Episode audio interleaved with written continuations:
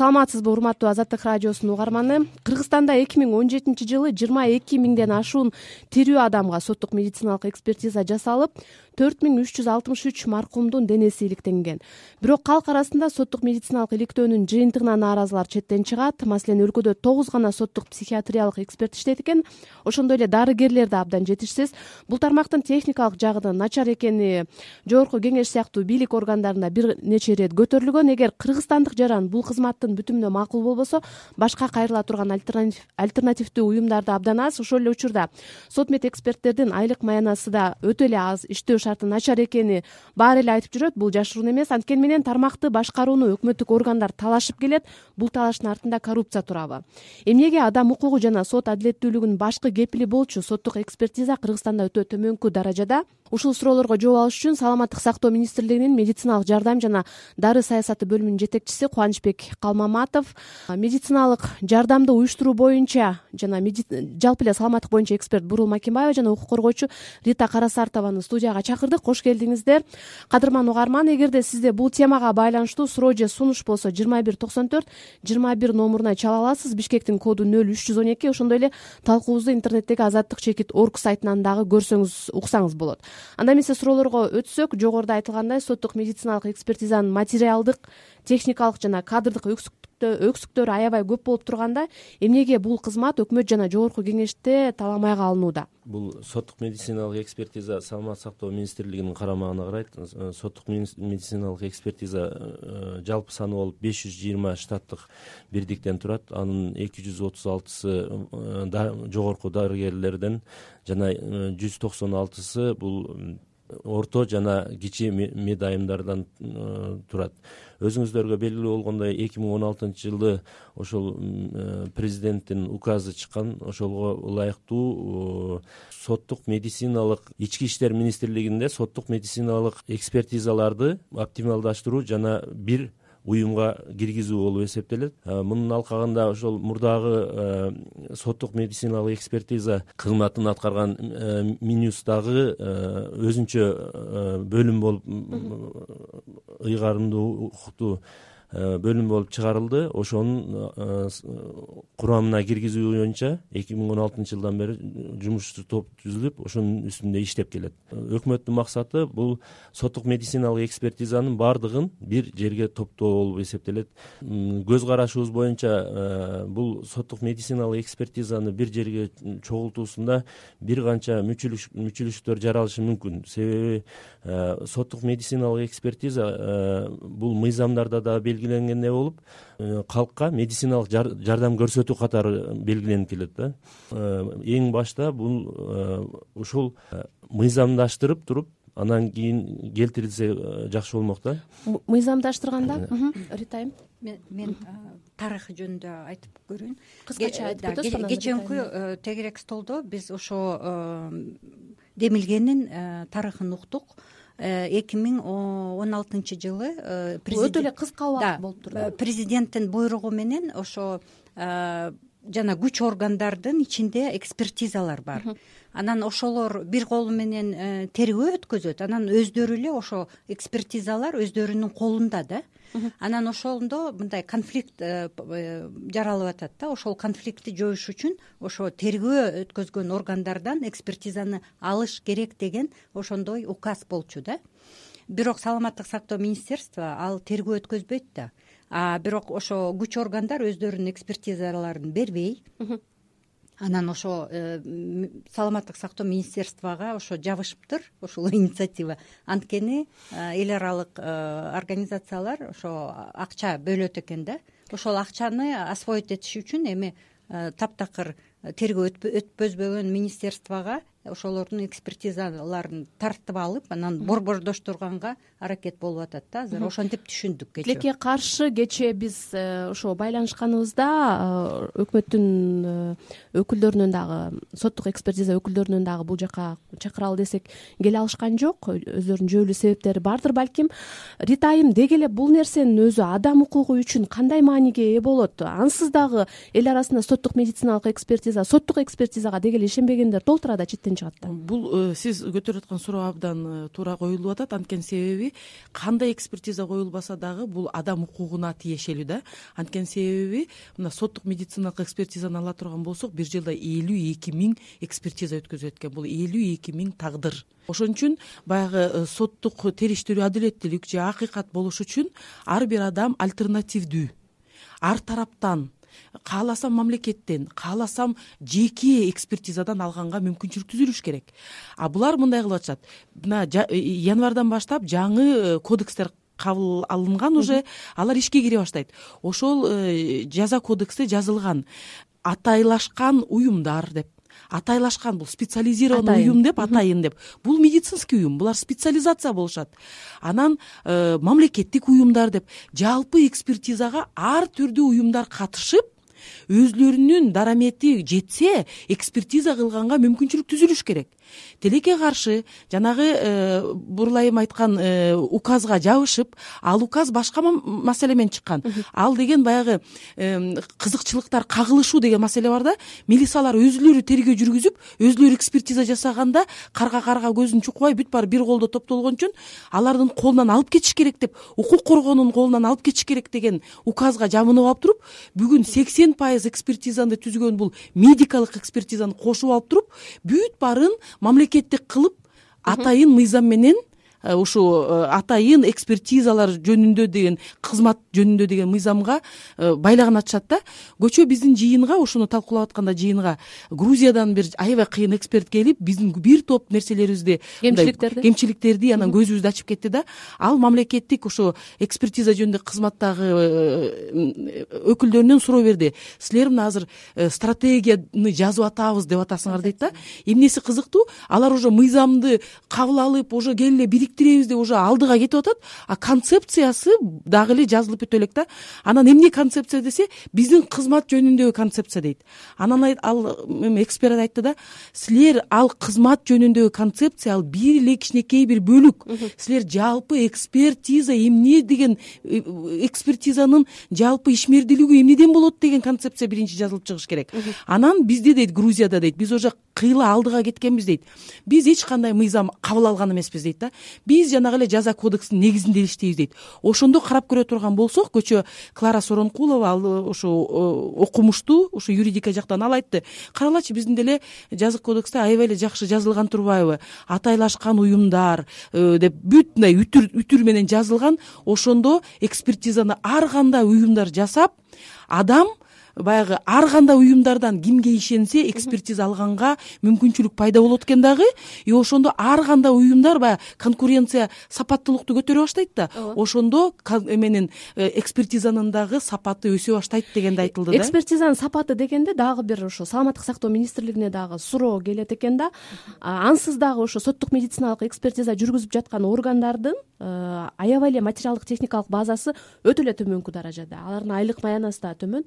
Бирок эмнегедир ушундай чоң талаштардын чордону болуп жатат да. Эмне себептен деп ойлойсуз? Биринчи кезекте жогоруда айтылгандай алардын иштөө концепциясын иштеп чыгып алып туруп андан кийин анан талашыш керек беле? Кандай акыбалда азыр деги эле ооба э, туура айтасыздар. Э, буну э, башында айтып кеткендей буга башта концепция иштелип чыга туруп кандай көз карашта барабыз? Ошол боюнча бар концепция иштелип чыккандан кийин бизге дайын көрүнүктүү болмок да. Кайсы жерде кандай кызмат көрсөтөбүз? Аны жок эле биз мыйзамды кабыл алып алдык дагы андан кийин кетип атабыз могу жанагы эл аралык эксперт судан дегенди айтпадыбы себеби грузия мындан беш алты жыл мурда ушундай э, реформага барган. Алар бириктиришкен. Азыр судандын эле айтканы боюнча азыр биз же соттук экспертизада жок жок же саламаттык сактоо министрлигинин экспертизасында жок орто жолдо калдык деп атат да берди. Бергени менен бирок азыр алар ортодо турат. Эки жакка она сказала мы вернули кайра бурул эже э, бул боюнча могу э, кошуна казакстан мамлекетинде деле бар да. Казакстан мамлекетинде деле ошондой ооба негизи бар экен бирок алардын э, ошол нерсени мыйзамды ишке ашырыш үчүн шайкеш келе турган техникалык шарттары концепциялары бар болсо керек да эми булар айтып атпайбы бизге өткөрүп берсеңер биз ошол шарттардын баардыгын түзүп беребиз деп атат да алар айтты шартты өзүңөр түзүп бергиле деди шартты кантип түзсө болот бурулайым? Эми азыр жаңы долбоор каралып уже өкмөттүн жаңы жакында уже премьер министр кол коет. Бул саламаттык сактоо өнүктүргөн отузунчу жылга чейин концепция бар ошол жакта жалпы ооруканалар э, өнүксө анда э, ошол э, тармак дагы өнүгөт бирок ошо жанагы эл аралык жардам ошол жактан саламаттык сактоого жардам берсе ага эч ким каршы эмес. Бирок ошо медикалык экспертизаларды борбордоштурган бул туура эмес жол деп кечээ русудан бериашвили айтты биз кошуп э, грузияда. Анан кайра саламаттык сактоого кайра бергенге муктаж болдук деп. Анткени ал э, мындай ажырабаган нерсе. Анткени моргтор бул э, ооруканалардын долбооруна кирет. Бул экспертизалар только жанагы сот экспертиза эмес башка көп экспертизалар өткөзүлөт да. Ооруканаларда негизи ошо патолого кызматтарда. Алар э, жөн э, каза ну башка оорулардан каза болгон адамдарды э, аскер экспертизаларды өткөзөт нетрудоспособность экспертизалар өткөзөт. Бул ажыратылбаган нерсе. Э, ошон үчүн бул аябай коркунучтуу демилге болуп атат да. Рита айым ушул жерден коркунучтуу демилге дегенде кайра эле бир жеке инсандын адам укугуна э, адамдык баягы өзүнүн укугу сакталабы деген нерсеге. Сиз жогоруда айткан э, альтернативдик соттук медициналык экспертиза деген нерсеге кайра кайтып келгим келип жатат да. Эмнегедир кыргызстанда ошол соттук медициналык экспертизанын же болбосо соттук экспертизанын жыйынтыгына нааразы болгон адамдар нааразы бойдон эле калат да. Алардын укугун кантип коргосо болот негизи укукту коргош үчүн э, адамдарга ар тараптан ошондой экспертизаны алганга мүмкүнчүлүк бериш керек. Ошондо сапат өсөт. Көчөкү ушу эксперт айтты да силер деген башка альтернативдүү эксперттерди колдобой деле койгула. Силер мыйзамда эле мүмкүнчүлүк берсеңер алар өздөрү өнүгөт деди. Анткени конкуренция болгон жакта өнүгүү болот деди. А силер мыйзамга мамлекеттик деп эле жазып койсоңор бул уже башка экспертизалардын баарын ошондо бүт эксперттердин баарын мындай бир зонтикке алып келип алгысы келип атат да. А бир зонтик болгондон кийин ошол административдик вертикаль баягы коррупциянын эле элементи болуп калат да. Ошон үчүн алар айтып атат силер мыйзам менен регулированияңар бул туура эмес. Мамлекеттик э, жөнгө салуу бул только стандарттарды. Силер стандарттарды кабыл алгыла дейт. Кантип экспертиза өткөзүлүш керек? Анан жеке болобу муниципалдык болобу мамлекеттик болобу ошол стандарттар менен иштесе эле э, ал мынтип айтты да даже илимийге таяныш керек депчи. Ар бир экспертизанын корутундусу илимий кандай бир фактыларга эме таянып ар бир корутундуну окугандан кийин а ушул турбайбы деп айтылыш үчүн ошондо ар бир эксперт өзүнүн корутундусу окулуп калат уят деп айтыш үчүн э, ат салышуу болуп атып бул өнүгөт деди. Ошон үчүн аябай деле көп каражатты талап кылбайт. Силер мыйзам менен мамлекеттик деп жазып коюп бекер экспертизага балта чаппай моминтип бүт баарын бир жака топтоп биздин катачылыкты кетирбей эле кантип э, врач эч качан өзү врач болуп иштебей туруп эле бир э, кызматка келип алып эле күнү түнү ошо экспертиза менен эле алек болуш керек. Эгер жакшы кардиолог болсо аны эксперт кылып бери жака тартып экспертиза кылгандан кийин андан ары барып жүрөктү дарылай берсин. Офтальмолог болсо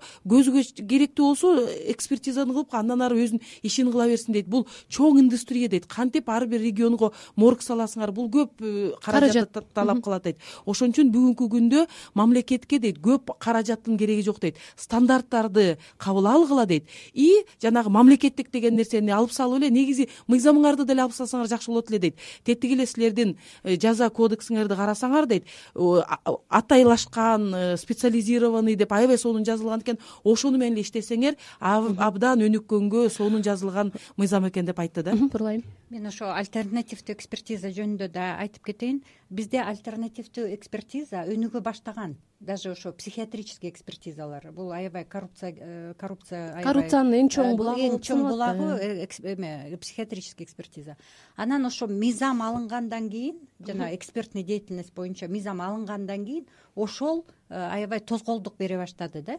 И кечээ ошо русудан бериашвили айтты экспертиза өнүккөнүн э, кааласаңар нерегулирование кайра дерегулирование жасаш керек ошол э, мыйзамды жокко чыгарып эле түз эле ошол жанагы кылмыш кодекс менен иштесе ошондо анан альтернативдүү экспертизалар. Мамлекеттик экспертиза деле болушу мүмкүн. Например бул университеттин клиника азыр университетский клиникалар өнүгө баштады да. Например ошто клиника ош университетинде. Ошол э, университетский клиника деле ал мамлекеттик бирок ал көз карандысыз болот да. Ошон үчүн ошо мыйзамды жокко чыгарып эле э, жол ачса ошондо анан жеке э, кызматтар өнүгө баштайт. Бул жерден ошо саламаттыкты сактаган мамлекеттик органдын дагы өзүнүн эрки жетишпей жатабы деген суроо пайда болот жогорудагыдай мисалы рита айым айткандай э, кардиологиялык э, бир экспертиза боло турган болсо жакшынакай бир кардиологду тартып келип же психиатриялык экспертиза боло турган болсочу эмнеге саламаттык сактоо министрлиги өзү эле ушуну демилге көтөрүп чыкпайт да? Мындай да бул жерде азыр могу өткөрүп берүү боюнча сөз болуп атпайбы э? Жок биринчи ушул суроого жооп берип анан өткөрүп берүүгө өтсөңүз мындай да бул жерде бир көйгөй пайда болот да мисалы мен ошону менен байланыштырып кетейин деп атам да өткөрүп бергенде. Биз сактоо министрлигинен соттук медициналык экспертиза башка э, тармакка өтөт. Соттук медициналык экспертизада комплекстүү жана комиссиондук соттук медициналык экспертиза бар. Муну бир адам чече албайт. Бул жерде специалисттер керек. Травматолог окулист лор врач нейрохирург нейротравматолог керек. Ошолорду бергенде биздикилер айтат биз өзүбүз аларга ошол тастыктуу дарыгерлерди бөлүп беребиз. Ошолор менен чогуу алар соттук медициналык экспертиза өткөзүшөт. Эми соттук экспертизада өкмөттүн өкүлү кантип э, медициналык тармактагы татыктуу бир дарыгерди таба алсын деген да суроо пайда болот да бурула жанагы э, саясий эрк жөнүндө мен айтып кетейин. Э, негизи бул күч органдар социалдык органдарга дайыма үстөмдүк кылат да. Азыр мына силер саясий эрк жөнүндө айтып атпайсыңарбы күч органдар өзүнүн каалоосун дайыма катуураак өткөзөт да. Азыр уже экинчи министрдин э, колун бурап дегендей ушундай кадамга э, мындай түртүп атат. Э, анан өкмөт негизи бул совет безопасностинин коопсуздук кеңеши. коопсуздук кеңешинин чечимине таянып атат. Кечээ клара сооронкулова дагы айтты ошол чечим бул секретариаттын чечими он жетинчи жылы чыккан. Бул негизи э, мыйзамга каршы болгон чечим. Анткени коопсуздук кеңеши бул совещательный орган деп коет. Ал жанагы аткаруу э, бийликке өзүнүн буйругун бергенге укугу жок. Анан баары эле ошо коопсуздук кеңеши ушундай эме чечим чыгарды деле деп бул негизи э, мындай мыйзамсыз чечим деп айтып атат адистер эми бир жыйынтыктоочу суроо берсем да э, эгерде ушул мыйзам же болбосо ушул сунуштар ишке ашып калса жеке адамдын тагдыры ушул эле бизди угуп жаткан угармандын тагдыры кандай болот? Дагы деле ошондой чайналып дагы деле укугу тепселенип э, баягы нааразычылыгы күчөп дагы деле ошенте же объективдүү бир э, шарттар түзүлөбү? Эми моундай да мурда мындан мурда дагы айтылып кетти альтернативдүү э, соттук медициналык экспертиза деп атат. Ошол экөөнү тең чогуу алып барышыбыз керек. Мамлекеттик жана альтернативдүү деп ооба туура ал айтылды бирок жок бири бирине жок. Бул жерде э, ошолго жол беришибиз керек. Альтернативдүү медицина соттук медициналык экспертизанын өнүгүшүнөчү. Себеби ал кайсы жерде карама каршы пикирлер жаралма сайын тактык пайда болбойт. Э, бул жерде э, бир нерсени айта кетейин соттук медициналык экспертизаны жүргүзгөн адамдар булар кылмыштуу жоопкерчиликтүү деп туруп анан кийин соттук медициналык экспертиза жүргүзүшөт да. Анан ал кайсы бир убакта кылмыш кылмыш иши козголот ошол соттук медициналык экспертиза жүргүзгөндөргө. Ал качан гана э, анын диагнозу так эместиги такталгандан кийин ошондо гана айтылат. А бул жерде ошол анын диагнозунун так эмесин айтуу үчүн альтернативдүү соттук медициналык экспертиза керек да негизи э, кайсы реформаны карабасак борбордошуп баарын бир мындай вертикалга алып келе турган реформа дайыма бир кишиге баш ийип коррупцияга малынып калат да. ошон үчүн биз тескерисинче дерегулирование кылып баардык врачтарга баардык эксперттерге жол бере турган болсок ошондо ат салышуунун негизинде сапат өсөт деген маселе бар да. Нурлайым. Анан ошо указ президенттин маанисин кайра терең түшүнүп жанагы тергөө өткөзгөн органдардан ошол жактан экспертизаны алыш керек. Ошондо анан өнүгүү болот. бул жерде жемкорлук жөнүндө да сөз болуп кетти. Көп эле сындар дал ушул э, соттук экспертиза менен соттук медициналык экспертизадагы жемкорлукка мисалы бизге арызданып келген адамдар деле ошого ошол менен арызданып келишет да мисалы зордукталды деген аялдын э, соттук медициналык экспертиза жок зордукталган жок деген бүтүм чыгарып коюшу мүмкүн да. Ошол эле секелек кыздар. э, укугу тепселенип жаткан. Ошондой бүтүмдөр менен келгендер көп да негизи элечи эгерде бул биригүү ишке ашканда ошол арыздануучулардын саны көбөйөбү дегенде мындай коркунуч жаралат экен да эми бул маселе негизи э, техникалык жактан чечилиш керек да.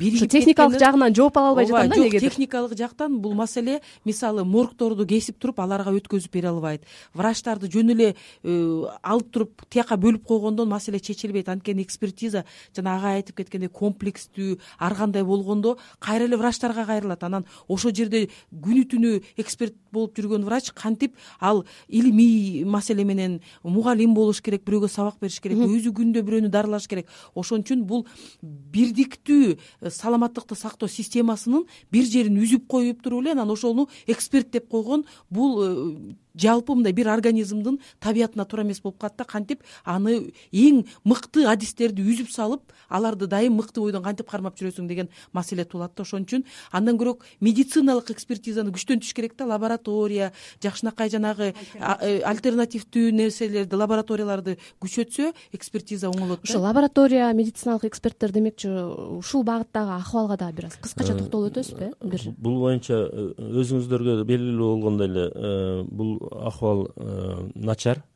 себеби материалдык техникалык базалары өтө начар болуп кетет. Анан кийин кечээ могу э, өзүңүздөргө белгилүү болгондой могу учак кулагандан кийин өкмөт тарабынан кандайдыр бир жардамдар берилүү каралды. Бирок аны жылдын аягы болуп калгандыгына байланыштуу ошол акча каражатты соттук медициналык экспертиза өздөрүнө жумшай албай калды.